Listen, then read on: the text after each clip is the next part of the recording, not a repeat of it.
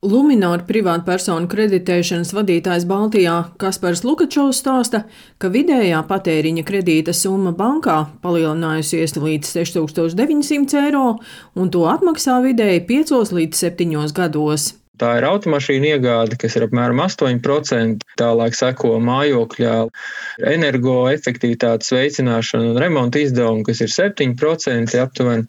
Un tad ir citiem lielākiem pirkumiem, kā mēbeles un sadzīves tehnika. 4% aptaujā to nolēmuši izmantot patēriņa kredītas ikdienas izdevumu sekšanai, tas ir dzīvokļu īres vai komunālo maksājumu un pat pārtikai. Kredīts varbūt tam nav labs risinājums, turklāt tas izmaksas lokus tikai vienīgi pieaugs. Gan bankas, gan nebanku kreditētāji patēriņa kredītiem piemēro fiksētu procentu likmi. Asociācijas Fintech Latvija vadītāja Tīna Lūse stāsta, ka līdz ar to nebanku kredīti nav kļuvuši dārgāki. Kredītdevēji nav attiecinājuši savu finansējumu izmaksu pieaugumu uz kredītu cenām. Un arī tāds dati rāda, ka cenas praktiski nav mainījušās šiem produktiem. Piemēram, hipotekāriem kredītiem šīs eiribors vārstības ir pieaudzējušas nedaudz cenu, bet uh, kopumā nu, cenas turās iepriekšējā līmenī. Nebanku kreditētājus uzrauga patērētāju tiesība aizsardzības centrs.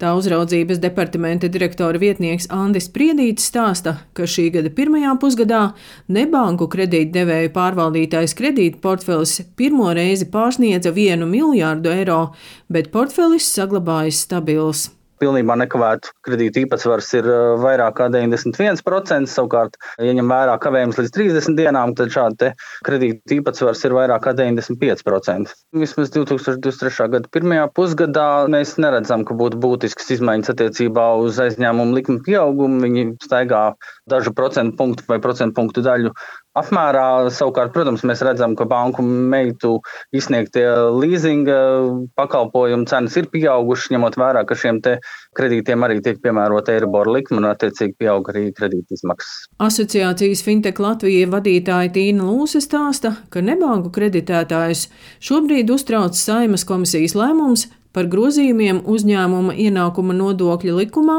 kas patērētāju kreditēšanas pakalpojumu sniedzējiem paredz avansa maksājumu. Patērētāju kreditēšanas pakalpojumu sniedzējiem pēļņas rādītāji nav pieauguši, pretēji bankām ir samazinājušies. Valdības un arī izskatās, ka sājums lēmums nozīmē to, ka eh, šiem kredītdevējiem no apgrozības tiks izņemti vairāku miljonu apmērā apgrozāmie līdzekļi, kuri attiecīgi netiks izsniegti kredītos, piemēram, nekustamo īpašumu iegādē reģionos, kur tieši ārpus banku sektora kreditētāji aktīvāk darbojas nekā bankas. Ptats uzraudzības departamenta direktora vietnieks Andis Priedītis vērtē, ka nebanku nozare jau šobrīd tiek stingri regulēta, tāpēc rūpīgi jāpārdomā, kā to ietekmēs papildus prasības. Jāņem vērā, ka Latvijā ir ļoti augsts valsts nodeva par šo pakalpojumu sniegšanu. Iespējams, pati augstākā pasaulē par jaunas licences saņemšanu ir 250 tūkstoši, pēc tam 55 tūkstoši katru gadu. Ja būs tādi nepārdomāti grozījumi, kas ietekmēs šo biznesa vidi, varbūt tā, ka turpmāk palielināsies pakalpojumu sniedzēju skaits no citām Eiropas Savienības valstīm ar banku licencēm. Vienkārši vajadzētu apsvērt no visām pusēm par un pret, kādas normatīvas pieņemt, lai tomēr būtu būtu ekonomikai draudzīga vide. Licencēto nebanku kreditētāju skaits Latvijā samazinās. Ja 2018. gadā bija izsniegtas 62 licences patērētāju kreditēšanas pakalpojumu sniegšanai, tad 2023. gadā 36. Daina Zalamane, Latvijas radio.